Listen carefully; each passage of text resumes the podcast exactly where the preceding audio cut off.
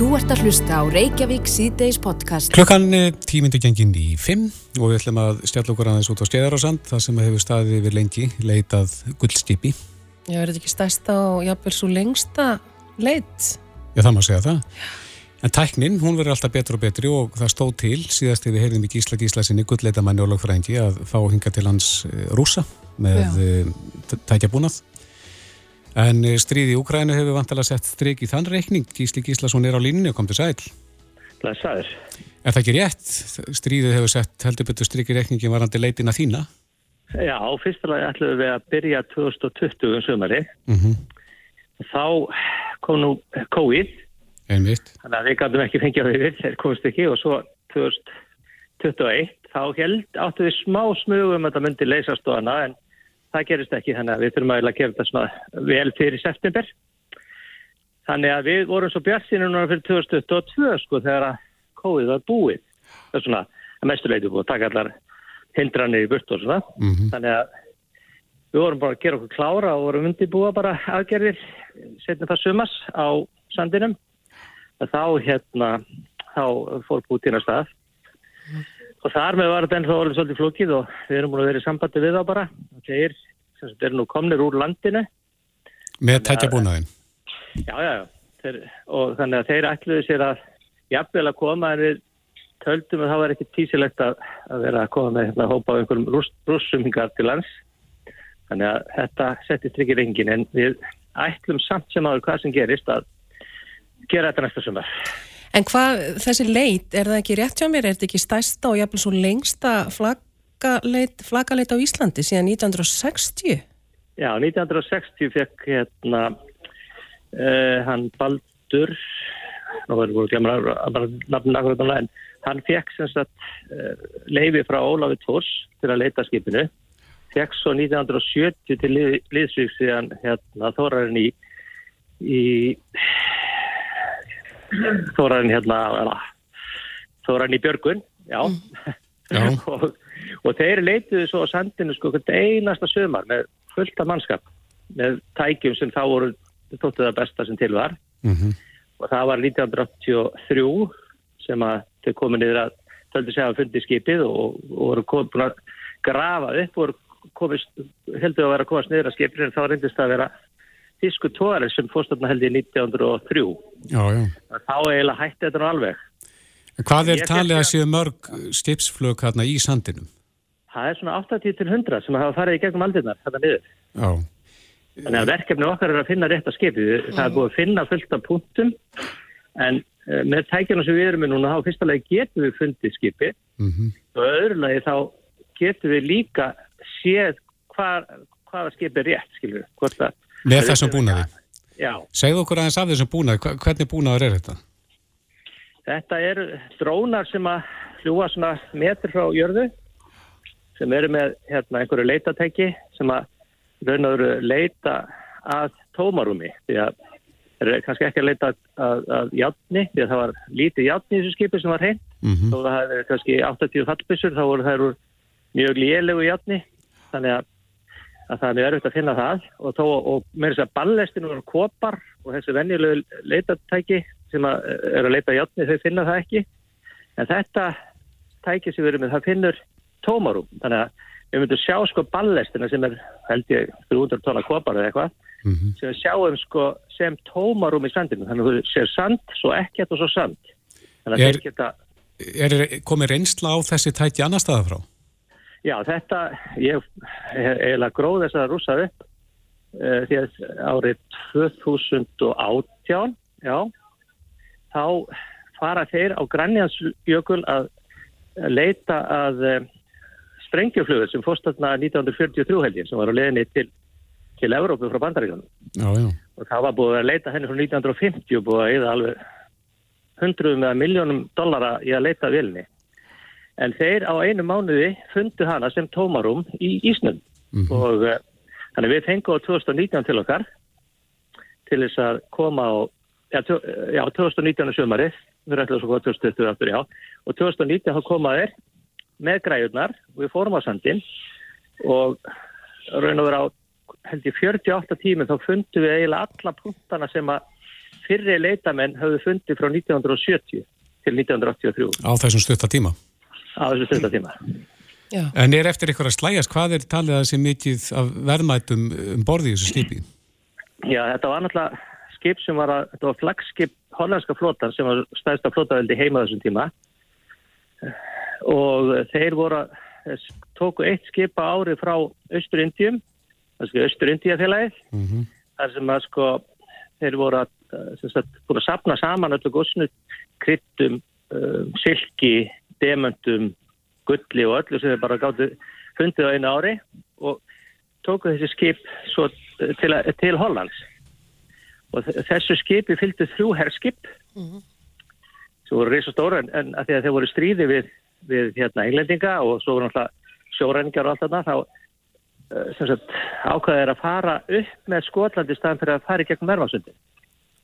Þeir heldu að sko englendinga væri að sagt, setja fyrir þessu, þessu skipalest. Mm að þegar, þegar þeir komu upp fyrir Skotland og alveg upp við Ottan þá kemur brála viður og sagt, skipið 17. september 1667 bara fekst til, eða öll skipalistin til færiða fyrst, þar fest eitt herskipið og, og þetta stóra skip sem hétt het Vapen van Amsterdam með 220 mann áhöfn það fekst til Íslands og festist á sandinum og sandurinn sogaði að í sig Já, já. Og það er alveg ljóst að, að engum verðmætum hefur verið bjargað úr skipinu þá á sínu tíma eða? Það var alltaf eitthvað sem flötu upp og var tekið en það var ekkert að komast ofan í skipið segja svona þeir sem það þekkja til og ef maður er búin að fara að það hér á sandin og maður byrja bara stendur á hann og byrja aðeins að jögga sig til þá byrja sandurinn að taka þig þannig að það er mjög líklegt að sandurinn hafi fyllt skipið alveg strax Já. En, en í Excel-stjálinu þínu, hvað, hvað gerir þið ráð fyrir miklum verðmætum? Sko við erum lítum hóttu smævindir þannig að við erum, erum ekki að endlýna það eins og kannski fyrri leitar menn gerðu Mm -hmm.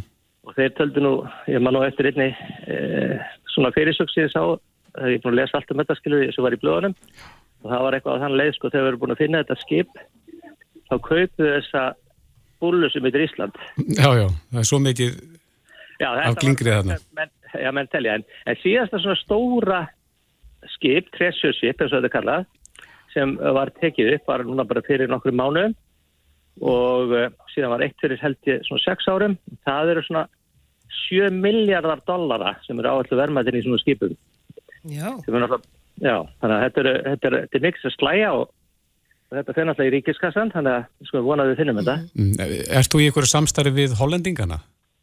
Já, það, þeir hafa kom, haft sambandið með því að það er hollendingar eru með sérstakar nefndir og, og bara held ég stráðunetti utanum sem, sagt, sem heldur utanum öll skipin sem hafa farið hjá þeim í gegnum aldirnar Mm meðal hans þetta skip, þannig að þeir tekja söguna kannski betur en við.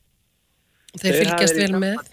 Já, já, já, það er alveg fyrst með þessu alveg grant og þeir ætlu að koma hérna, ég heldur hafa með þessu komið hérna yfir í september 83 þegar að, þegar þeir menn töldu sig að fundi skipi til að fylgjast með, af því þeir náttúrulega segja náttúrulega við eigum skipið. Já, gera þeir vantilega kröfu þá um það sem finnst í skipinu?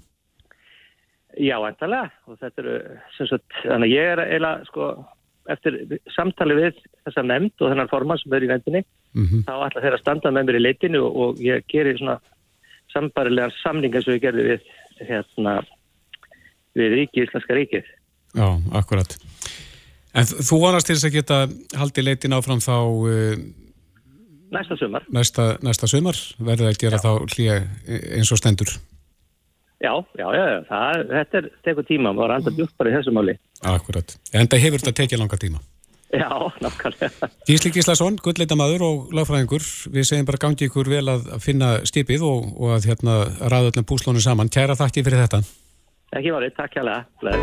Þú ert að hlusta á Reykjavík Við podcast. sjáum í fændablaðinu að eh, tveir góðir vinir er að fara að leggja stað í ferð á traktor Já, og uh, fyrirsögnu hér í bændablaðinu segir á traktor gegn einelti. En þetta eru sem sagt æskuvinirnir Karli Friðriksson og Gretar Gustafsson sem ætlaði að akka vestfjarðarhingin í sumar á traktor.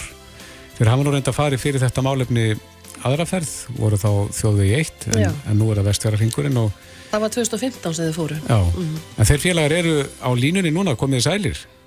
Já, komið, komið sæl. Nei.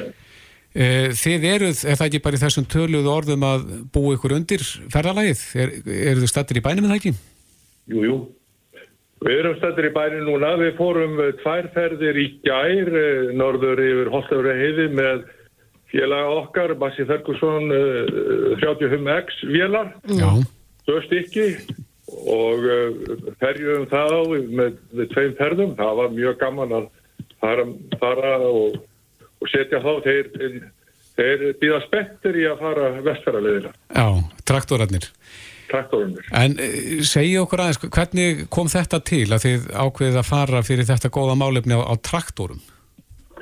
Já, sko, við erum, eh, við höfum asku að á sínum tíma þegar þessi vél kom í, í, á bæ sem við vorum alltaf upp á, Valdarás í, í, í Fytardal Mm -hmm. e, á sínum tíma og, og við og erum svo skotnir í þessari vél að við ákveðum að fara e, já, kringur landið á, á vélinni sem við gerðum 2015 Töluðu þið um það sem guttar? Já, sem guttar þá tölum við um það og, og, og, og, og spökurum og veltum mikið fyrir okkur hvernig við ættum að gera þetta allt saman. Já. En síðan, eh, síðan er tíminn og, og við ákveðum þetta síðan, við ákveðum að gera þetta þegar við varum fullornir Já. og 2015 töldum við orðinu nógu þroskar og fullornir til að gera þetta. Já, akkurat. Þannig að núna eru þið að klára í rauninni það sem eftir var af ringnum. Þið eigið þess að sagt vestfjörða ringin eftir. Já, það er, sko, vestfyrringar þeir eh, hafa verið að skora á okkur að klára ringin og hérna, það er bara sjálfsagt að fara vestfjörða leiðina eins og þeir kalla þetta. Já, akkurat. En eh, Massi Ferguson, þetta, er- þetta er fallegt trillitæki, Hva- hvað farið þið hratt yfir? á 30 kjöndur hraða. Er það það, hérna, hraðasta sem að kemist? Já, hann kemst í 33 annar þeirra en hinn kemst bara í 30. Já, Hann lullar þetta á rjóli heitum. Hún á dekkjónum á þeim. já. En vöktuðu mikla aðtekli þegar þið fóruð síðast? Já, mjög mikla. Og hvernig mótökur fenguðu hjá svona öðrum ferðalöngum? Mjög góðar.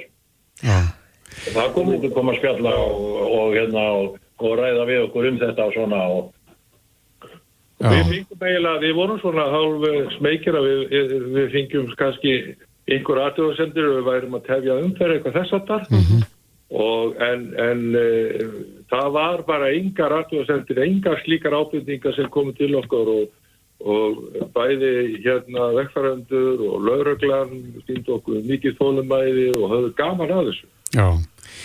En strákar, þetta eh, málefni, er að segja eineltið, af hverju veljið þið þann málaflokk?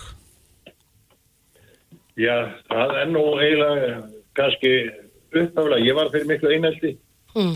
fyrir árum komin úr þann, þannig aðstæðum. Já, og, uh, og svo hérna ákvæða það þegar við fórum þess að ringin að við skildum styrkja eitthvað gott málefni í leiðinni já, og lögum eitthvað gott á okkur hljóta þannig að við verðum ekki bara einhvern tveir vitlisingar þarna mhm, á leiðinni. En ég segi að þið ætlaði að stoppa í leikskólum á landinu og leðinni til að kynna þetta verkefni. Jú, jú. Já, við, við gerum það senast, þá tókum við upp á því að stoppa á leikskólum og við, okkur var tekið mjög vel af leikskóla eh, stjórnendum og, og, og krökkum með þetta. Við förum með, eh, í tengslu við þetta verkefna okkar, við náttúrulega eh, gegn einhelti, þá förum við með eh, fallegan bánsa sem heitir Blær já, og, og barnaheitli sem sagt er með svona ákveðin verkefni fyrir leikskóla landsins sem við vorum stiðis að geta hérna stutt með þessu framtæki okkar mhm, og, uh, og uh, við, uh, við sínum krokkunum vélarnar og tölum við, þau- við þau um, um eineltismál og, og, og sínum þeim básan. já. Já, þetta er, þetta er fallegt og verið verkefni. Já. Hva, hvað búist þið að vera lengi að fara hringin hérna á vestjórunum? Áallunin er átta dagar. Við verðum vantarlega svona átta, tíu dagar á leiðinni, visti því. sko. Hvað ætlaði að keira marga klukkutíma á dag? Það er bara misjönd. Það verður allt eftir bara svona aðstæðum. Já, eru þið búin að skoða spána? Mismandi langt á milli staðar. Já, einmitt. Já. Hver, hvernig, hvernig er spáin strákar? Jú, Já. hún er bara góð í, í góði hjarta. Traktunum fer allt. Engar áhyggjur. Já, þetta er, þetta er náttúrulega opið allt saman, er það ekki? Já, já, Já, já. þetta er alveg opið sko. Þetta er bara eins og hann var upphafilega sko. Já. Já. Eru þið með kerru eða eitthvað í uh, aftan í ykkur eða? Já, með auglýsingunum og, og þessu sem við tökum meðferðis. Já, akkurat. Þannig að það fer ekki á milli mála ef að fólk mætir ykkur. Nei, við, við erum að skona aðeins að, að, að hvetja vekkvarendur að, að, að hérna, senda okkur SMS eh, 1900 og leggja inn þá 1900 krónur inn á reikning hjá barnaheill Já, einmitt. og, og, vonustu þetta til þess að að aðstofa aukumæður gerir það. Já, nákvæmlega, þetta snýst um það að, að styrkja barnaheill í, baratunni gegn einelti, en þið ætla að leggja staðið það ekki á morgun uh, frá staðaskála, Já, klukkan tíu. klukkan tíu fyrramálið. Við náttúrulega bara sendum ykkur góða ströma og vonum að þið fáið bara blíðskapa veður. Já, og góða ferð. Já, og segjum bara góða ferð og gangi ykkur vel með þetta félagur. Kæra þakkir. Bless, bless. Það. Jæja, núna erum við bara að eh, sigla í land. Þetta er Reykjavík C-Days podcast. Og þá ætlum við að hverfa aðeins til lögarvats, en hjólísegendur lögarvatni verða að vera búin að koma öllum sínum hísum, pöllum og öðru í kringum hjólísin í burtu fyrir næstu áramót. Samkvæmt ákvörðun Sveitastjórna Bláskóabiðar, þetta sæði fréttininn á vísi.is fyrir skemstu. Og til að ræða þessi mál uh, eru komnar til okkar Hrafnildur Bjarnadóttir, formaður Samhjóls og Ásta Stefansdóttir, Sveitastjóri Bláskóabiðar. Ef við byrjum með þér Ásta, hver er ástæðin fyrir því að þið viljið þessa byggði burt? Ástæðan fyrir því að það var ákveðið þarna fyrir rétt tæpum tveimur árum að, að loka þessu svæði var svo að öryggismál voru ekki í lagi og þá einhverjum að sér í lagi það sem snýra brunavörnum og þarna hefðu á liðnum árum orðið nokkru brunar en sem betur fer farið vel í þau skipti en eins og slökulistjóri hefur farið yfir með okkur þá var það í rauninni bara algjör tilviljun og lukka sem að réði því. Hefði verið að bæta úr, úr því í Já, staðin fyrir það- að loka? Það hefði verið hægt með því að bara byrja í rauninni upp á nýtt. Með því að rýma svæðið, deiliskypulegja það, uh, leggja vasslagnir og annað sem þarf til að bæta úr þessum brunavörnum, grísja skó, fækka hjólísum og reytum, þá hefði það verið hægt. En það hefði þurft þá að vera að byrja rauninni með aukt blað. Já. Þið eruð ósáttarafnildur, Já, að sjálfsögðu þið erum við sem ósátt. eigi hísið þarna, en, en uh, skiljiði þessar ástæður? Það er að segja brunavarni verða að vera í lagi? Já, við getum alveg skilið þær. Uh, vegna þess að 2013 þá við þeirra samhjól sínar áhyggjur af bruna hættu á svæðinu. Og jú, þetta er eitthvað sem við hefum hægulega getað lagað. Og þó svo að hafi orðið bruni og enginn dáið, að þá deyr náttúrulega fólk í bríslisum og út um allt. Þetta og bara í, já það bara brennur til dæmis í húsbílum. Ég meina það gerist. því Viltu meina að þið hefðu getað Að bæ, bætt úr við málum án þess að rýma svæðið? Já og samkvæmt bara okkar lögmanni þá heldur það einhver rökum að þurfa að, að tæma allt í burtu til að hefja nýtt deiluskipulag. Það er ekkit verið að riðja burtu heilum hverfum til þess að deiluskipulag. Nei. Það er okkar álit og okkar lögmanns. Þannig að þið voru tilbúin til að gera það sem þurfti til að hjólísi fengi að standa. Algjörlega. Og mér langar svo að fá að koma að skjóta Já. hérna að að þegar ég mæti hingað einn að þá er ég að tala fyrir 500 hjólisegandur og hérna og ljá, reyna að ljá þeim rödd mína. Og, og hérna koma okkar sjónamöðum á framfæri. Og við gerðum sveitastjórn strax í kjölfari tilbóð á sínu tíma sem hljóðaði upp á 16 til 20 miljónir króna sem og tækjakost og allt það. En síðan hefur þetta bara mál undi upp á sig. Það hefur bara bæst í. Það kemur þarna byggingareglugjara sem stendur í veginum og síðan er skortur að laga heimild síðan opnar þarna annað hjólísasvæði á sama tíma og verður að loka okkur með tengingu við lögmenn Suðurlandi og þetta svíður og stingur okkur sárt að sveitafélag hafi ekki séð sér fært að skipta reynlega um lögmenn Einmitt. til að hafa þetta, geta hlutleysis Ásta, hvað segir þú um þetta? Já, ég veit nú ekki hvort þetta er bara nokkuð svaravert. Það er engin, ekkert samhengi í þessu hvað var þar lögum að sveitafélagsins og önnur hjólísasvæði. En e, það er þannig eins og ég sagði, þetta er af öryggis ástæðan sem er ákveða að loka og ákvörðunin er tekin út frá því. Síðan koma erindi frá samhjól þó nokkur sem að sveitastjórn hefur tekið fyrir það sem hefur verið svona byggðum hvort það megi vera lengur og svona æmsar útfæslur og tilbúðum að fara í framkvæmdir og þá köfum við dýpra ofan í þetta og, og það kemur þá strax að í rauninni á þeim tíma var ekki neinn laga heimilt fyrir að vera með svona heilsásvæði því það þurfti byggingalegi fyrir mannverkjum sem ætti að standa á slíku svæði. Þetta er 50 ára sag. Já, já, og, og þetta hafa reglur breyst í gegnum tíðina. En á þessum tíma þegar ákveða að loka, þá er reglan svo að það þarf hérna, byggingalegi fyrir mannverkjum og það er ekki hægt að gefa út byggingalegi fyrir hjólísi. Það er bara úr þannig efnum að það er ekki hægt. Þannig að þar með var í rauninni kannski engin lagalegu grundullur fyrir því að halda þessu áfram.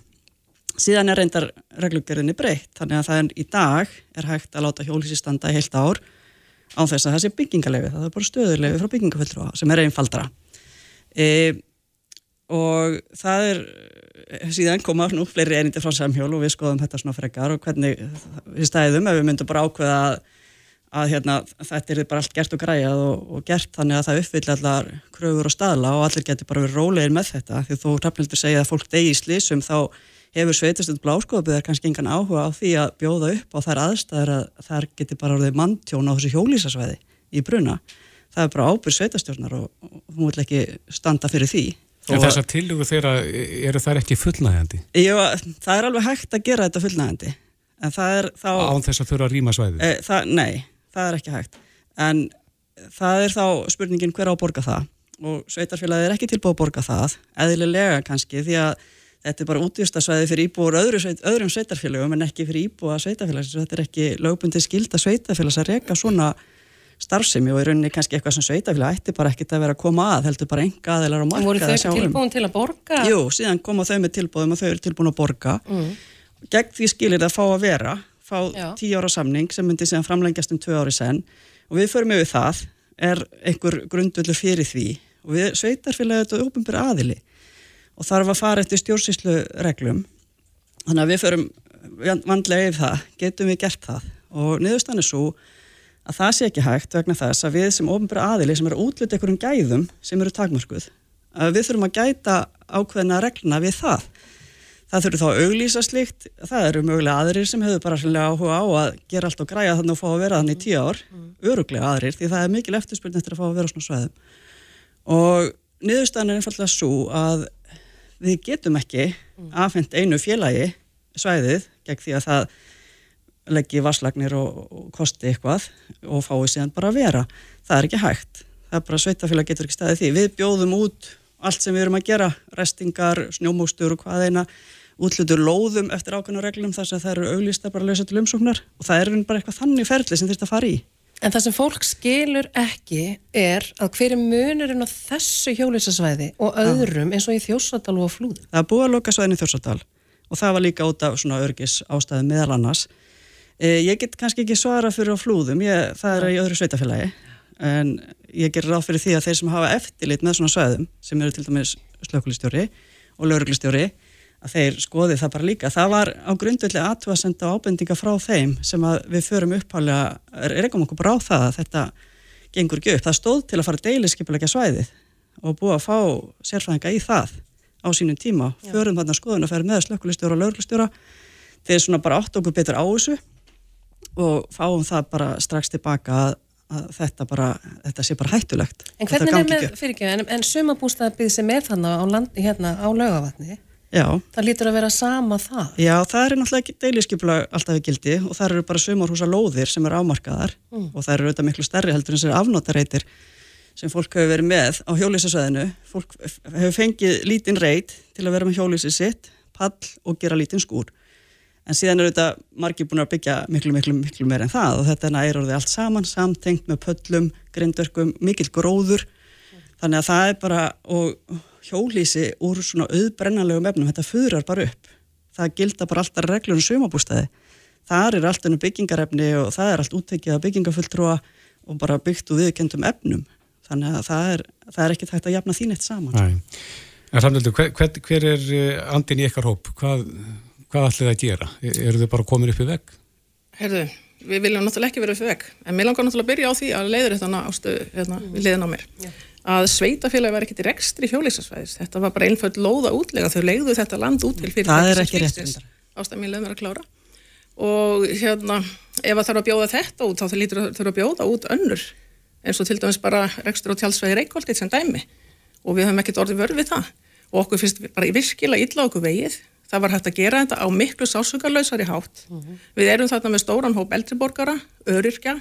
Þetta er þvílik eignar upptaka og ég ætla ekki að lýsa ég gæti að setja hérna gráti fyrir ykkur öll eins og tárum fyrir þetta fólk að það hefði mátt gera þetta heiðalegra Sveitafélagi kemur átjándamar síðastlegin með sínar kröfur og áallan kostna hvað þau myndu vilja til að uppfylla þessa kröfur og við samþyktu það hvort átti bara þá að losna við okkur með því, það er spurning en við vorum tilbúin í þetta og það hefði bara verið hægt að segja strax í byrjun málsins áðkvörðinu tekinn 17. september 2020 við komum þarna með tilbúðu eins og maður segir í bakið á þeim fljótlega eftir það til að leysa þetta bruna mál uh, þarna hefði verið seinlegast fyrir sveitafélagi að koma og segja bara sannleikan eins og eru bara að segja núna eftir, eftir 21 mánu það er ekki vilji mm. þessu til dæmi skotið á frest þarna þegar maður er fann að finna meðbyr innan sveitastjórna með okkar málstað við erum búin að leysa byggingareglugerðina skort á lagaheimild tilbúin að gera og græja á allt til þess að berga þessu svæði Já. og til að verja þetta frábæra samfélag sem aldrei verður bætt út Einmitt. það verður aldrei hægt að laga þetta 50 ára saga Já, og þetta er virkilega ljótt Já, ástæði, er eitthvað að gera til þess að, að lenda þessu máli þannig að allir verið sáttir? Nei, ég efast um það, því það eru þetta engin sáttur sem er að missa eitthvað En er, er fullan, vilji fyrir því? Við, nei, sveitastjórn hefur bara ákveð, bókaði það núna síðast eins og Rafnildur að vísa til að það sé ekki vilji til þess að halda þessu áfram í þessu formi e, Það hefði verið hægt að fara miklu harðar í þetta. 17. september 2020 þegar ákvörðinu tekinum að lókastu það hafa verið að segja öllum samningunum upp og allir höfðust að fara fyrir áramót. Það var ákveðið að koma til mósu fólk og gera það ekki þannig heldur að láta samningarna bara renna út sem voru í gildi. Og þar hafði fólk þá eitt ár og sömur tvö ár til þess að vera. Flestir áttu að vera farnir í síðust áramót en það er ekki næri því allir farnir af þeim sem áttu að vera farnir þá þannig að fólk situr nú svolítið en þá. Hvað verður um þetta svæði? Það er ekki búið að taka ákvörðinu um það en Þetta lítur að vera missir af þessu, þessu fólki, þetta lítur að gera mikið fyrir lögavat. Ég, að, það missir auðvitað skiljum við það að fólki líður vel aðna og það er ekki verið að taka þessu ákvörðuna því að einhver vilji vera vondur við eitthvað eða flæmi eitthvað í burtu, það er alls ekki þannig. Hvað þetta hefur áhrif fyrir lögavatn, þetta er náttúrulega ekki samtengt byðin og lögavatni, e, e, jú, jú, það eru einhver, það er einhver, já ég ætla að segja það, það er einhver verslun og einhver í farið sundagslesin, ég held það sé nú ekki kannski eitthvað sem að veldir eh, miklu þannig sko. En auðvitað hefur fólk alveg skilning á því að fólk vil áfram verið í þessu samfélagi. Búið að koma sér vel fyrir þannig og líður vel auðvitað og vil vera þannig og fólk hefur alveg fullan skilning á því. Þetta er náttúrulega fjölbyrjastur hópur. Hvað, hvað ætlar fólk að gera? Þetta fólk er náttúrulega bara fyrst og fremst nýður broti eins og ég var að segja. Mm -hmm. og hérna mér langar bara að koma því að að hérna, þó svo að eins og Ásta Stefansdóttir bendir hérna á rétt áðan að sveitafélagi hefði geta farið í hardar aðgerðir þá finnst mér bara personlega og okkur hjólisegundum að þessar aðgerðir þó svo þessi heiti eitt eða tvö ár þetta er allt og harkalegt. Ef ekki búið ástafa þessu landi eins og við erum margbúin að spyrja sveitastjóra og oddvita á fundum ítryggað og lögmaður okkar einnig alltaf segja þau nei það er ekkit farið að hugsa út í það. En það hefði verið hægt að tala um til dæmis fimm ár. Uh -huh. Þannig erum við að horfa á stóran, breiðan hóp af eldri borgunum sem er í sárum og sett í stóra skuldir við að þurfa að fjalla og gefa þessar eignir. Ef að, ef að við hefðum bara lagað til þarna og það, það, ég hefði bara viljað sjá hvort að hérna, slökkvilistjóri ániðsýstu hafi tekið nýja skýslu um þetta svæði. Uh. Þetta er gjörbreyttu landslag. Það ætla að fara fram á það? Já, ég hefði bara viljað sjá það. Já, þeir eru ekki búin að gefast upp. Nei, maður náttúrulega vill ekkert gefa stöð fyrir fullan hefana með þetta er svo mikið réttindamál. En ásta hefði verið hægt að fælka hjólísonum til að því þú talar um brunavarnir og, og minga gróður?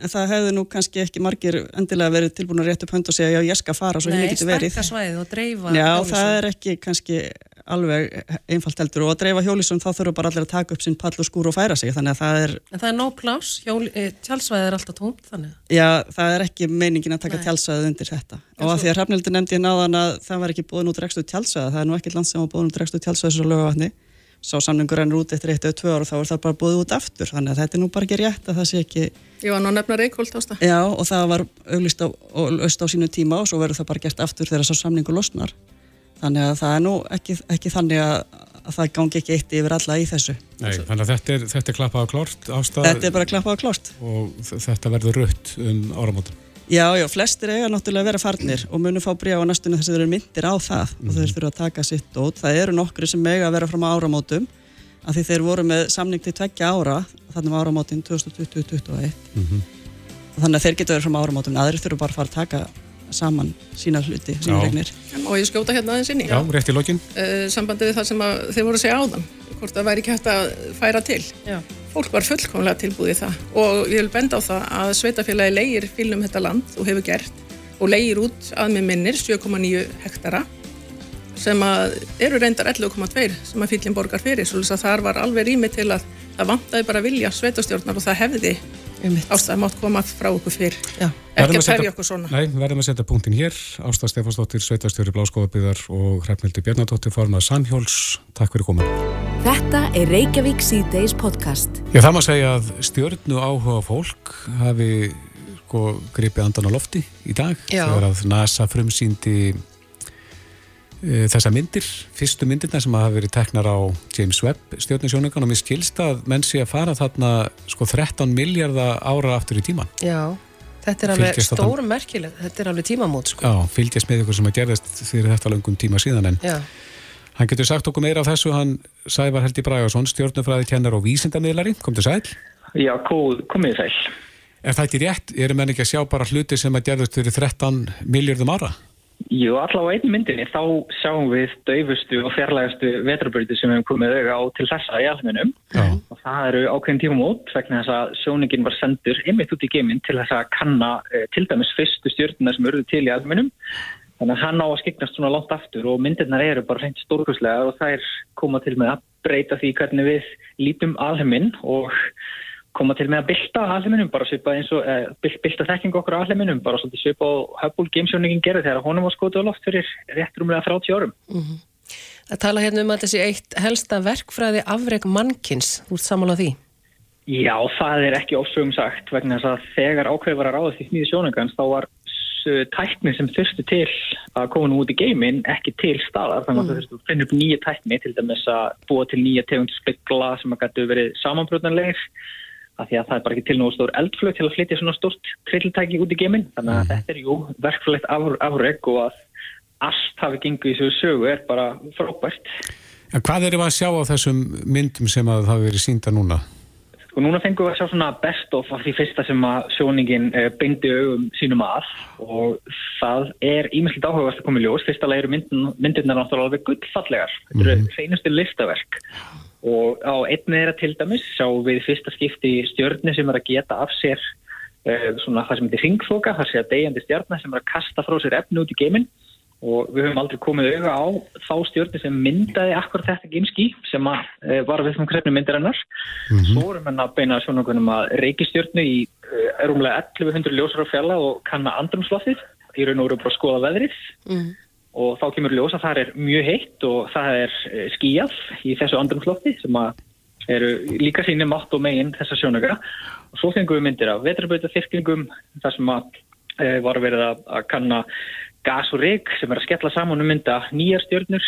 Og sáum komum þar auga á mjög vist svartól sem við vissum ekki af áður og já, svo fæðingastæða stjörna e, bara sem er að mínum að þetta er stórkurslega myndin staða þar sem stjörnur eru að verða til Er, er alltaf upptæk í gangi þessum sjónauka eða, eða þarf að tekur að myndi með reglulegu millibíl og sendir að hvernig vinnur hann? Já, hann er nánast alveg stöðugt í að vinna. Hann er að starra út í geiminn bara nánast sle- sleitulaust. Og hann virkar inn á þannig að hann er með svona hálgerðan tennisvöld aftan á sér. Þannig að sólhlíf sem hann uh, skilur hann fyrir byrstunni frá og hittan frá sólinni. Og svo er allur dagurinn bara notaður í að starra út í geiminn uh, og rannsaka. Þau fyrir bara sem vísindamenn hafa óska eftir að séu rannsökuð og bara sem dæmi núna það sem, það sem web sá á fyrstu myndinni sem var byrst í gær sem var á svona þyrpingu veturbreyta og fjarlægastu veturbreyta sem við að það tók hann ekki nema 12,5 klukkustund að sapna öllu því ljósi sem að byrstist okkur að þeirri mynd.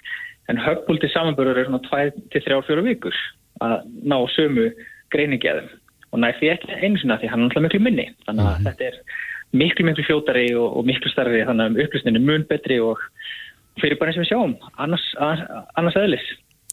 En er eitthvað ferðinni þarna í kringum sjónaukan þar að segja að það verður, getur norðið fyrir einhverju geimrustli eða Já, heldur betur og hann er með þess að þegar búin að fá eitt högg í sig. Það gerist núna fyrir ekki svo lungu síðan að það var lítill loftstitt sem að skall á einum speklinum og laskaði hann pínlítið. hvað er svona steitna mikill í ferð? Það getur verið alveg kannski 10, 20, 30 km hraða á sekundur. Sko. Þannig að það er alveg gríðilega mikill hraði. En það er búið að gera ráð fyrir þessum möguleika þegar flatamálið er stórt á speklinum. Þannig að jafnvel þó að hann verði fyrir talsvert miklu snjaski þá dregur það samt ekki úr gæðunum eða greinigæðum og, og virknisjónugans. Ekki nema það er bara alveg kat katastrófisk uh, katastrófiskur á, árustur sem er kannski mjög óleiklegt. Mm En þú segir að þetta kemur til með að bylta uh, sko vinnunni við að, að sapna upplýsingum við hverju búast menn? Hvað er það menn að nota ný?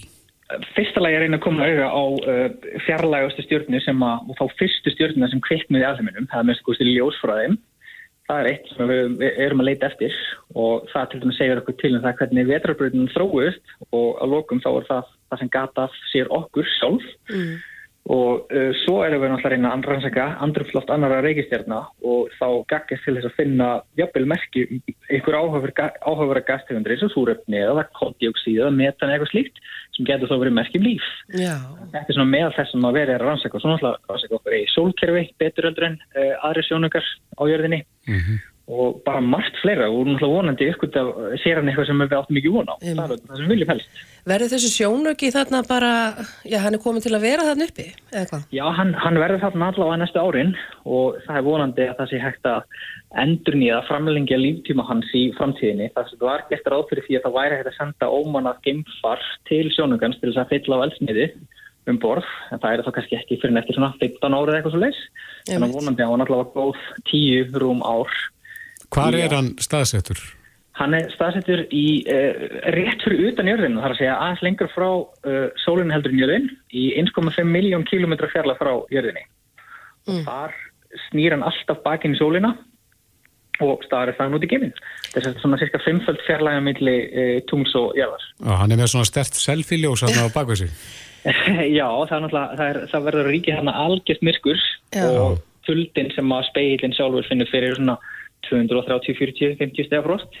En hérna getur almenningur bara út á um allar hefn farið inn á okkur á sló til að fylgjast með hvað sjónaugin er að, að sjá, þú veist, er, er það hægt? Er myndirna komnar á netið? Já, Já mynd, myndirna eru komnar á netið, þannig að fólk fyrir bara inn á nasa.gov eða esa.ent, það heitir nú samstagsverkefni milli NASA, ESA og svo kanadísku gemfyrastofnunarinnar, mm -hmm. með því að fara inn á til dæmis esa.ent, þá getur fólk skoðað þessar stórkurslegu myndir sem sjóningin var að sína okkur. Já, rétt kannski eins í lógin, Sævar Helgi við nú stundum talað um líf á öðrum höttum.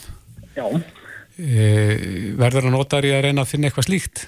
Já, það er eitt af aðal markmiðum hans að það er að þefa andrumsloft annara reykistjárna, þannig að vonandi tekst okkur að finna þar merki um súröfni, koldíuksið, metan og svona þessar gastegundi sem eru merki um líf. Þetta er spennandi. Já, Sævar Helgi Bragarsson, stjórnumfræði tjennari og vísindamiðlari. Þetta er, eh, við hvetjum fólk til þess að kíkja á þessa myndir ef það hefur áhuga á því. Kæra þakki fyrir spjallið. Endilega, takk fyrir. Reykjavík síðdeis á Bilginni podcast. Það má segja að það hefur verið mikið havari á flugvöllum viða í Evrópu upp á síkastið. Já, og það verist engin endur vera á því eitthvað. Nei, við heyrðum í áslegu örnu ráð þeirra hérna í gær Já. sem að setja alltaf hlýðina eh, hjá Eppli og búðum sem að selja Apple AirTags Svona staðsetningatæki, má segja. Hún lísti því að hún hafi sett svona tæki í töskuna sína á hún og fór frá Tenerife og gæti síðan fylgst bara með ferðarlegi töskunar. Já. En það er ekki allir svona hefnir? Nei, sumið bara tína farangunni sínum Já. og lenda í ymsum uppákomum, tengdum mm -hmm. hérna, þessum ferðum til útlanda.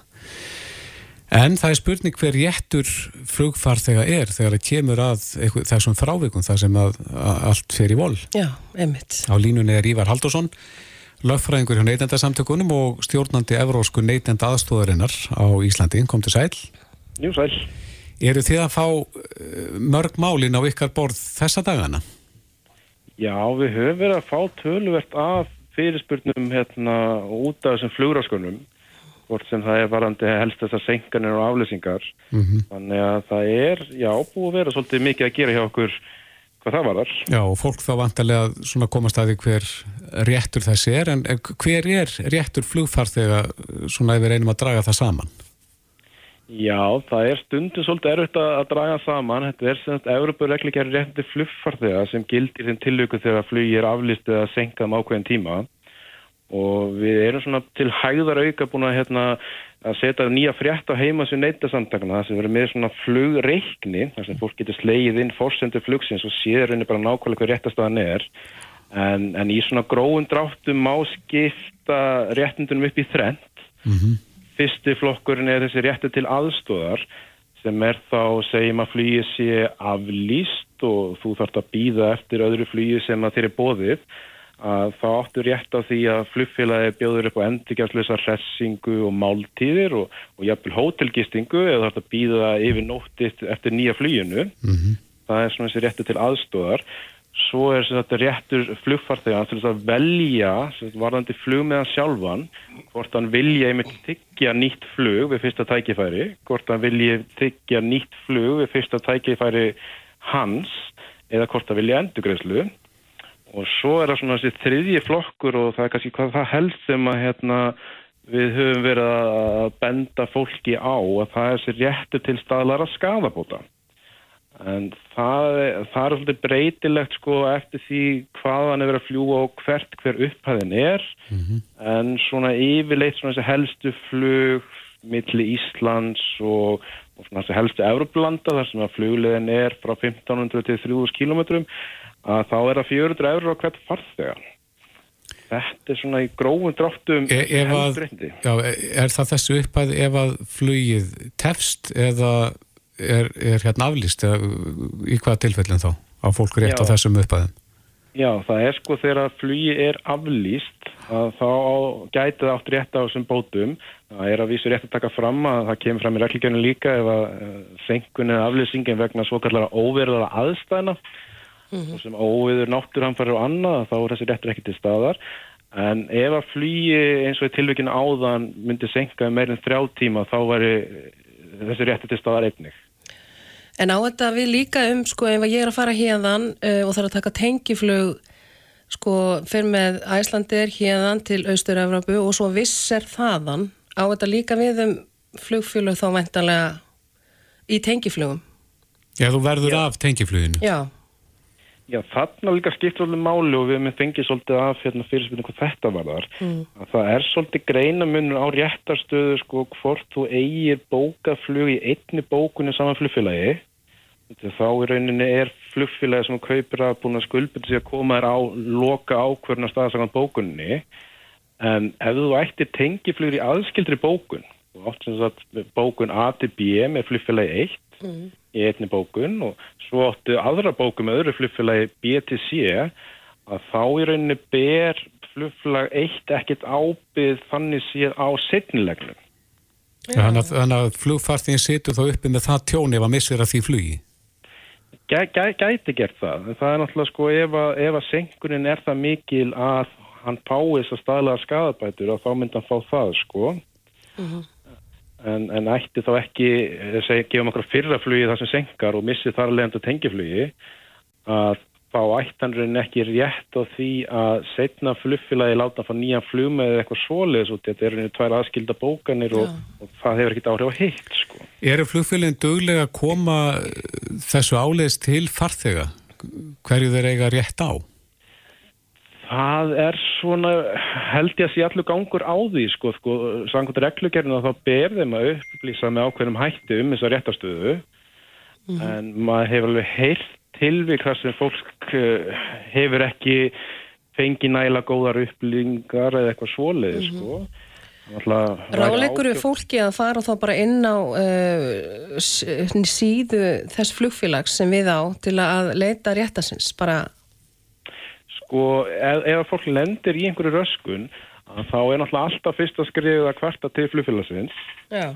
og, og sjá hvernig svörin verða þar. Ef að, ef að flugfélagi hafnar, þá getur fólk haft samband við okkur og við skoða máli nána fyrir okkar félagsmenn og, og slíkt sko. Einmitt. En aðeins frá sko, flugferðunum og yfir í farangurinn, hann það til að týnast líka eða, eða já, stundum týnist hann bara alveg. Hver er réttur farþega þegar það kemur að farangurstryggingu? Er hún, hún algengt að fólk, sé með slíka tryggingu? Sko, nú þekki ég ekki, sko, varði trygginga þáttinn að, að það, við ráleikin fólki alltaf að hafa sambandi tryggingafélagin og aðtuga hver tryggingastaðan er. Það eru mismunandi skilmálar eftir korta fyrirtækjum, heimilstryggingum og svo framvegis. En, en svo er líka bara sérstöka ábyrð eh, á flytjanda lögum að, að flugfélag ber ábyrð á tjóni á fárangri sem verður vegna tafa eða tefst eða skemmist og svo framvegis. En er eitthvað mörk á því hvað má, hver, hver verðmætti með að vera mikil í töskunum? Já, það er sett í lögunum er hvið á um hámark fyrir, eða hámark bóta Mhm. og þetta er í svo kvöldu svona SDR, Special Drawing Rights gengi. Ég er nú kannski ekki alveg með nýjasta gengið í haustnum en ég held þetta sé eitthvað hvort það verður rétt undir 200 skall eða eitthvað svoleiðis per taska síðast fyrir kikti. Já, þannig ef að fólk er með sko, verðmæti, meiri verðmæti að þá er það ekkert endilega tryggt eða ábyrð flugfélagsins að bæta það. E ekki, ekki samkvæmt sko, ábyrðinni í lögum sko, en svo er náttúrulega spurning með ferðartryggingar og, og slíkt sko, hvort það sé eitthvað rýmri réttu þar. Já, heldur sé aldingt að fólk sé kannski með farangustryggingar sem það veit ekki af, til dæmis í gegnum bara kortafyrirtækin og slíkt. Það nefnilega má vel vera. Fólk er einmitt með þessi kreditkort og það er náttúrulega ákveðin, ákveðin tryggingar sem fylgja mörgum hverjum. Þannig að þegar fólk hefur samvitið okkur þá er þetta alltaf eitthvað sem við bendum á að um að gera að taka símtalið og aðtöðu hver staðan er. Já. Það, það er bara ekki á, á því, sko. Einmitt, akkurat. Já, og þú segir að fólk er svolítið að hafa sambandið ykkur þessa dagana þannig að þið finni fyrir, fyrir þessum vandræðin sem að flugfélagin er í í Európu Já. þessa dagana og reyndar víðar um heim. Já, ég myndi klárlega að segja það. Já. Ívar Haldarsson, lögfræðingur hjá neytendasamtökunum og stjórnandi Evrósku neytenda aðstóðurinnar á Íslandi. Kæra þakki fyrir þetta.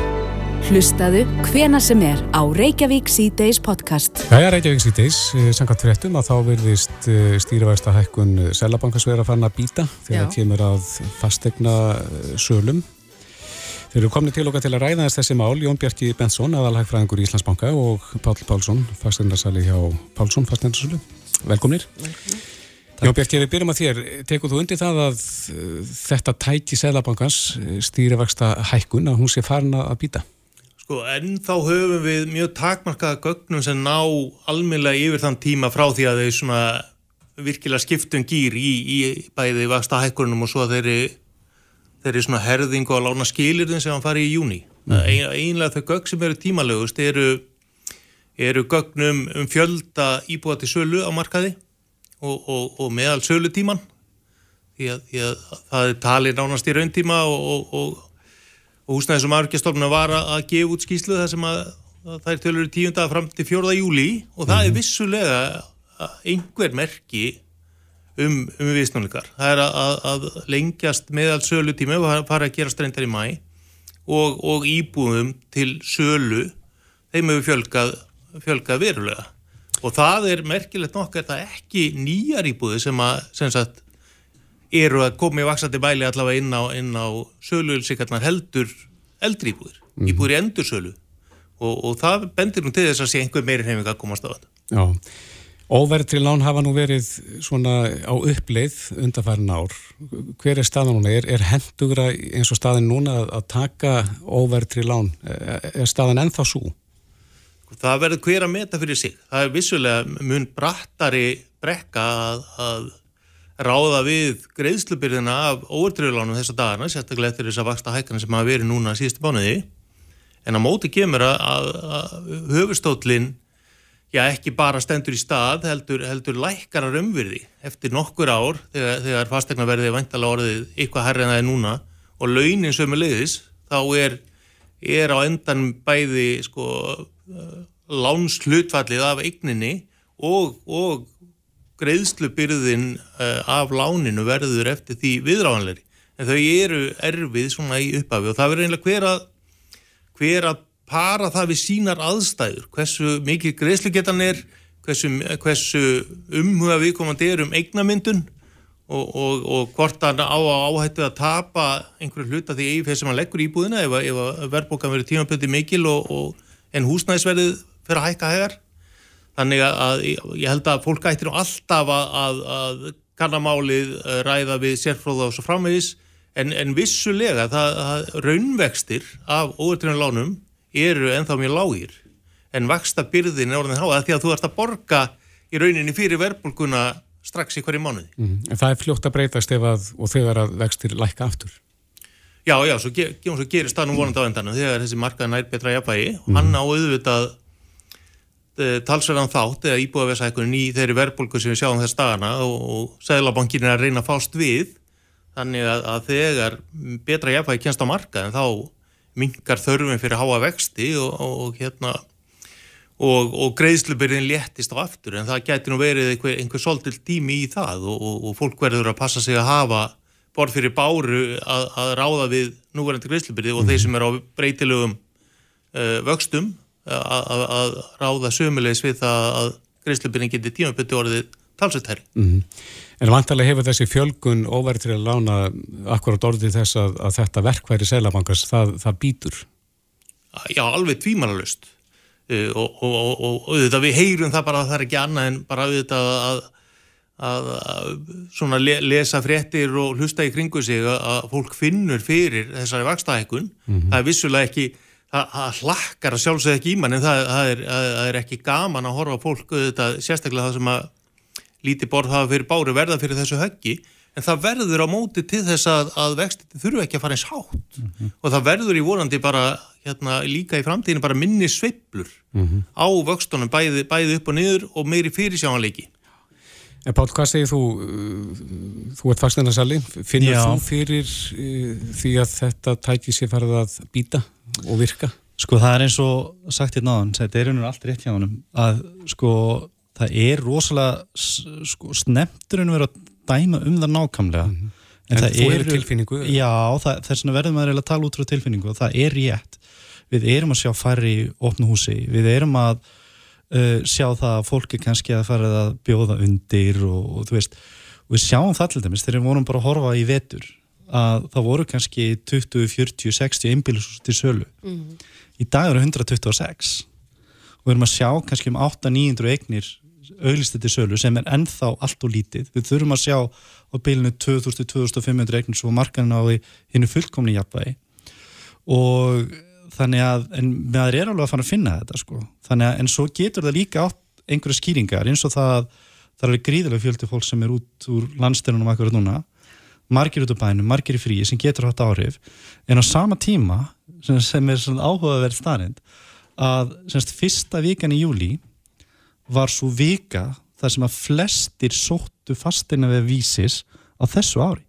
Þannig að það er rosalega margir að skoða mm. vefin en salan er hérna, eða eftirspurnar að segja fjölgun fólks, fjöldi fólks sem mætir á sölusýningarna slíkt er að minka. En er þetta ekki svolítið hérna, ástíðabundi? Er þetta ekki meira á veturnar eða haustin sem fólk fyrir að stjá og, og fyrir að kaupa fastegnir? Það er rosalega jaft yfir árið mm. með einn undatækningu. Það eru jól og áramót. Já. þá kannski fellur fjöldin vegna þess að ég skoðanar í vikulega bara fjölda þeirra sem fjölda notendin á fastinu við honum til að mm -hmm. átta mig á þú veist það er einu mælikvarðin sem við höfum varandi eftirspurnina, það er að segja áhugaðanum mm. og það er einu tímbili sem er veru fellu niður bara um helming, eitthvað svo les þá er allir hugsun leikvengu úr og eitthvað svo les En eh, varandi þá sem eru þó að koma og eru að skoða Já. sérðu sko hvaða hópur þetta er, því að nú er þessu kannski sérstaklega beint að fyrstu kaupendum Já, akkurat. Það eru, ég held að þessi 19 íbúður auðlista núna undir 40 miljónum. Uh, fyrstu kaupindur hafa verið svolítið ríkjand á markaði, þetta hef, hafa verið rúmlega 30% öllum kaupindum á markaðanum.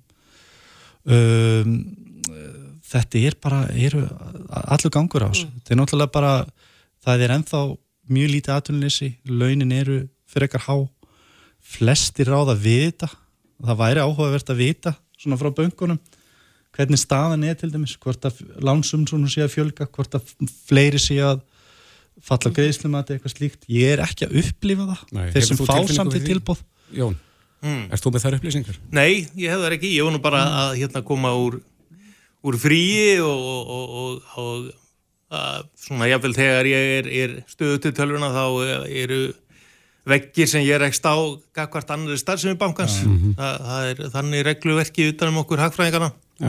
En, en ég get auðvitað spurt bara eins og hver annar.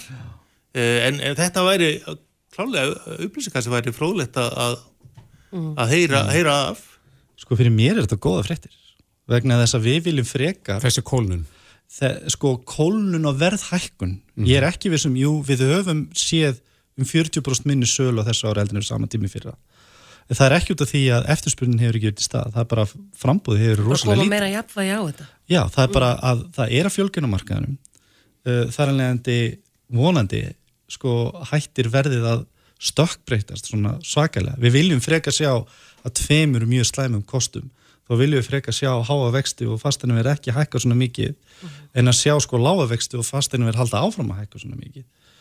Þannig að þetta er einhvern veginn vonandi skilar þetta þeim árangri fyrir alla Mm -hmm. að verðbolga hjaðni og, og svo framvegis. Jón Bjarki, þóra að spá fyrir um vaksta breytingar á, á næstunni. Eru við að sjá vextina að fara enn hægt? Já, ég, við höldum það nú að þið séu nú ekki hægt á kalkosveginum í, í vaksta hækkuna fasanum um, og, og það sé, sé frekar í hækkum vaksta framönda núna næst í ágúst og svo eitthvað restin árinu.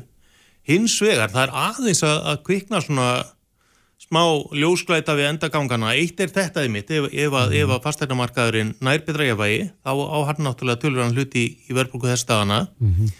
Við erum líka að sjá uh, orkuverð, semst olju, elsnættisverð, aðeins fara lækandi ellendisattur, en þetta er búið að læka tölverð, það er ekki aðeins, það er, það er talsverð, uh, og, og verð á ymsu sem við heyrðum af bröttum, bröttum hækkunum á áður eins og timbri, uh, málmum, ymsum íhlutum í framleyslu og svo framvís, það er aftur farað að jafna sig. Þannig að að það gæti verið stýttra í þennan þetta hámark verðbólgunar heldur en við óttuðumst og ég held um leið og við förum að sjá viðstunni hver þó að verðbólga verið áfram all há mm. þegar hann hættir að hækka svona mánuði til, frá mánuði til mánuðar alveg eins og með, með, með fastinamarkaðin ef, ef fólk sér svona ljósi vendagangana þá færist meiri ró yfir, yfir þá fastinamarkaðin í tilfelli og mm. í tilfelli hérna, verðbólgunar þá verður Sælabankin aðeins örugari með sig þegar við þó förum að sjá aðeins hjöðnun á, á verðbólkunni sem við höldum að, að munum og eiga sér stað á stundinni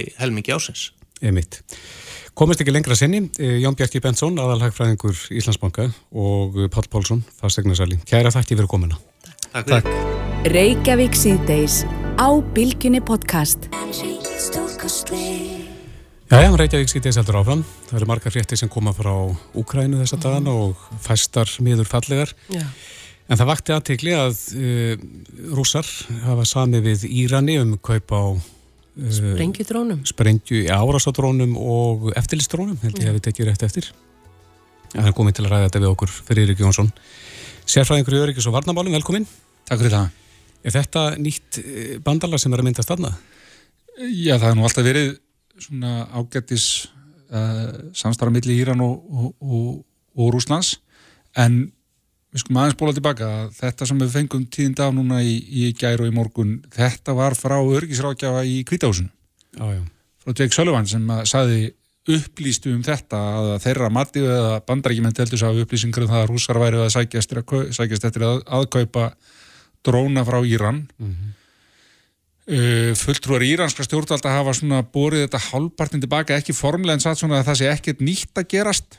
Uh, þeir hafi verið í viðskiptum áður uh, og svo verður við að setja þetta í samengi við það hvað er að gerast í þessari viku og næstu viku. Mm. bætin er að leðinni til mið, miðausturlanda er að fara til funda með Ísrael ég held að segja Ísrael á morgun og síðan síðar í vikunni í, í, í Flóaríkjum, Araparíkjum og meðal annars í Sáti Arabíu Uh, það að setja fram uh, þessar fullirýðingar um, um Írans og Rúslands tengslinn uh, spilar inn í það líka nú nokkuð ljóst að það er svona vantað upp á að mörgum vesturlöndum finnst að, að til dæmis bæði Ísrael og reynda líka Araparíkin komi ákveðnar til stuðnings við Ukrænu gegn Rúslandi í, í, í þessu innráðsæðastriði Rúslands mm -hmm. Þannig að ég held nú að þessi yfirlýsing hafi spilið aðeins inn í þessa ferð og líka síðan þennan væntafund í Teheran í næstu viku þar sem að uh, búist við að Putin er búin að segja frá hann ætla að fara til Teheran í næstu viku og þar verði meðal annars einhver fundur millir Íran, uh, Tyrklands og Úkrænu uh, þannig að hérna þú veist, allt er þetta að tala saman.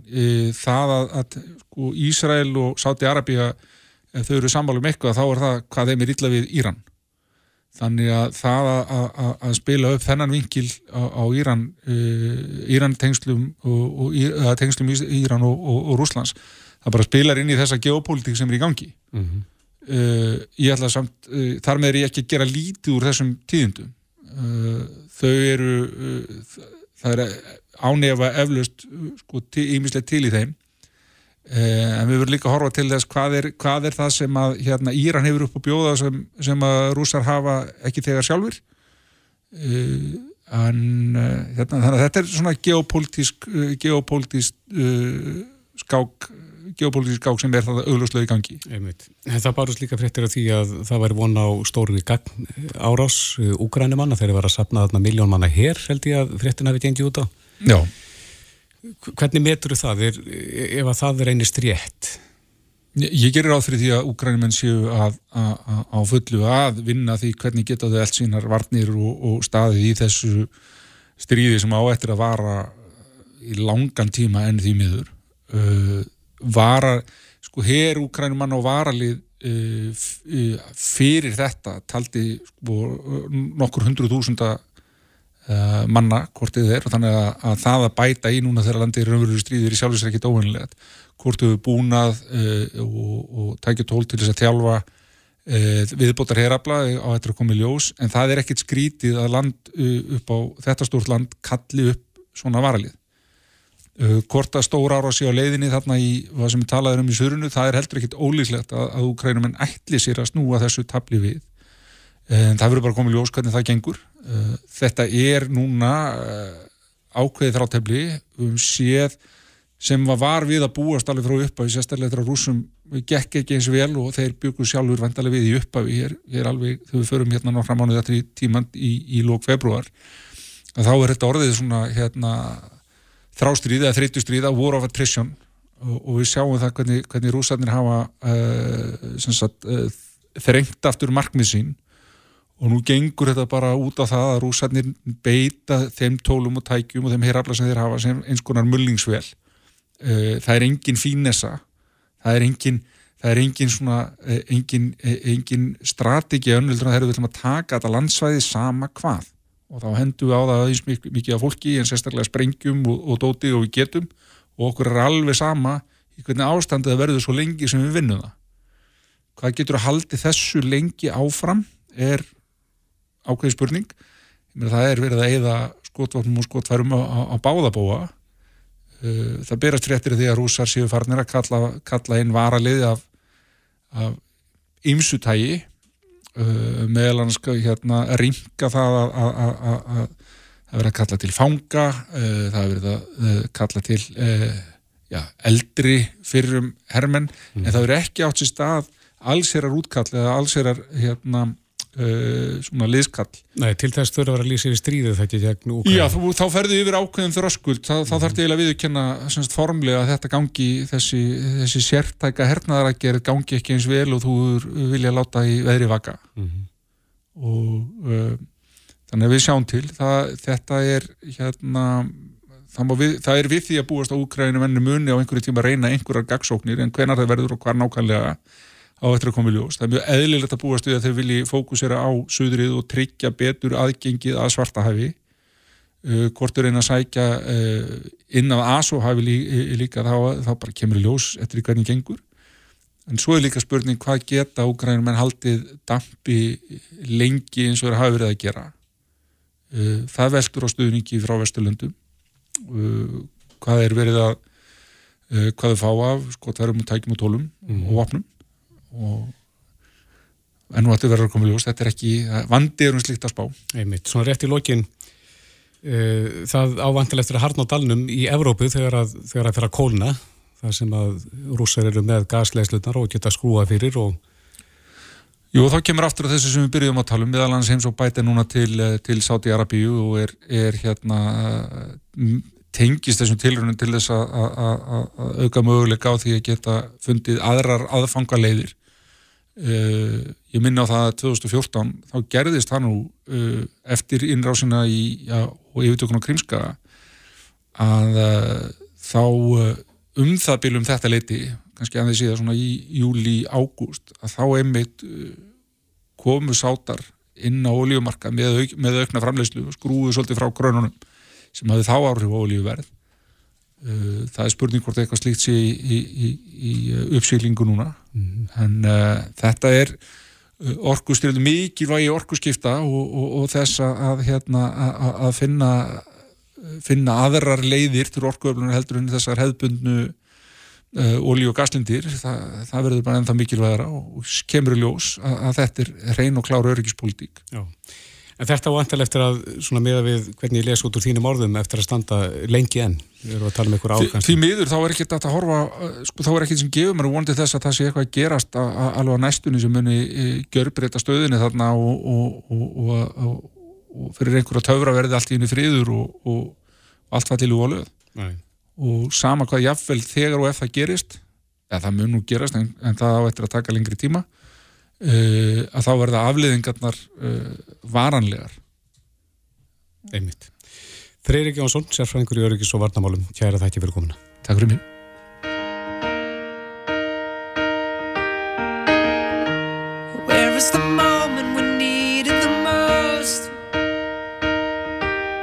Reykjavík síðdeis á bylgjunni. Þetta maður í okkur, ég held að vörglan hafi hringt að norðan. Já, við minni það. Skepti vera stípin að vera að koma þangað Mhm. í stríðinströmi. Ég var þarna um, fyrir rétt rúmir viku síðan og, og þar var þetta, ég man ekki, Sky Princess getur það verið. Jú. Gríðarlega stór stíp var þarna, mjög flott. En hann var, þessi maður sem hringdi í okkur í gerð, hann var veltaði fyrir sig hvort að Íslendingar gætu farið um borð í þessi skip og uh, silt ringin. Já, nýtt sér þau. Já, einhvern tíma var umræða um þetta. Á línunni er maður sem getur kannski varpað pínu ljósa á þetta fyrir okkur Gísli Gíslason, fyrirverandi hafnastjóri Faxaflóa hafna og formaður fyrirverandi hafnasambands sveitafélaga. Komdu sæl? Sæl og blessuð. Já, þessu umræða kom upp er það ekki á sínum tíma? Jú, jú, jú, jú, jú. Það er, sko, nú er maður orðin eh, fyrrverandi hitt og þetta en, en þannig var að, að hérna, að það er, um, voru Íslendingar í Sviss sem að eh, fóra að sigla hringin í kringum landið og skipi sem að er Ocean Diamond og var mjög skemmtileg nýbreytni í þessum, eh, þessari ferðatilögun Mm -hmm. og þá einmitt kom upp þessi spurning að hvort að Íslendingar getur keft uh, sér ferð og farið um borð í Reykjavík eða á Akureyri eða nei, það var ekki hægt það var, það var eitthvað smá í sér reglverkinu sem að var uh, kom ég vekk fyrir það sennilega totla lög og, svona á- áhyggjur manna að menn gætu nú verið að drekka kannski eitthvað sprútt þá sem var ekki totlað og, Já, þess að greiða skatta. hérna, Já, það menn hafa stundum miklar áhugjur af því. Einmitt. Eh, En um, þá er mér mjög minnistætt að, að um, í fyrstu ferðinni að þá kom einmitt uh, Ragnir Elín sem var þá ferðamálur á þeirra og svo er Sigmundur Davíð fórstis á þeirra og þetta var mikil, mikil glæðskapur. Þau ætlum nú að geta þessi liðin. Það, ég hef nú ekki séð neina breytingu sem er markverð í þeim efnum. Þannig að hérna Þetta er ég... sem sagt ennþá úr lið. Já, ég held að þetta séu ennþá með hindrunum sko. Já, já. Er, þetta er náttúrulega uh, daldið sérstakt sko. Ég held að það ætti einmitt að, að uh, heimila að sjálfsögðu vera bara þannig að menn getur farið um borð hérna á Íslandi eins og í stað þess að þurfa kannski að fljúa til Hollands til þess að fara um borð í skemmtifæraskip sem kemur við á Íslandi. Já, akkurat. Já, þannig að við erum nokkuð skonar annarsflokks þegnar hérna í þessu landi. Já, svona við erum allavega þegnar með takmörkunum á að, að taka þátt í því sem er svona bara sjálfsög og eðlega viðskipti milli, milli landa. Þannig að En er ekki að að, er ekki hægt að breyta þá reglugerðinni þannig að það sko passi við að við fengjum að koma um borð? Jú, að sjálfsögðu. Aðlaga er það- Allar, allar reglur og menn þurfa að munna það, allar reglur eru bara mannana verk, þannig að, að eh, og stundum erum við aldrei að flækja regluverkið eh, svona sem er ekkit endilega til hagspóta fyrir eh, tegnana. Nei. Eh, Þetta er kannski einn ein vinkill náði, það er, það, það hefur reyndar í þessu tilviki þá var minni, minnist í þess að það var nú eitthvað aðeins lagað þannig að þau gætu nú seitt hérna umhverfislandið því að, að um, reglurnar eru líka þannig að þegar skip er búið að vera í höfn á Íslandi ákveðin tíma þá þarf að borga því vörugjöld Já. sem er nú kannski ekki akkurat í þessu tilviki að menn væru að flytja inn skip þó að sigli í kringum landið Nei. og ég manna ég hef lent í, aðstóða einn frægan skagamann Hafstein á bakkanum svo kallan sem var nú einn af þeim sem að sigildi umhverfis nöttin einn sér og án þess að koma við og hann hafði verið með skútunum sína hérna heldur lengi og þá ætluðu þeir rökkan um vörugjöld sem var nú algjör óþærið því að hann var á leiðinni til Noregs aftur á skútunni. Já, akkurat. Þannig að, það er kerfið er stundu svolítið stíft. Já, ég held að hérna, það væri alveg efni til þess að að einmitt þessi ágæti akkurreiningur að hann geti nú haft meira frelsi til þess að fara um borði í, í skemmtifæraskip eða hann vildi sig, sigla kringin, kringum Ísland. Já, akkurat. Já, herðu, við skulum hérna, við þurfum greinlega að kafa eins dýbra í þetta og kanna hvernig og hvort það eigi að liðka til í, í þessum efnum. Er það ekki? Jú, Gísli Gíslason, kæra þakki fyrir þetta. Takk sem leiðis, gott, bless.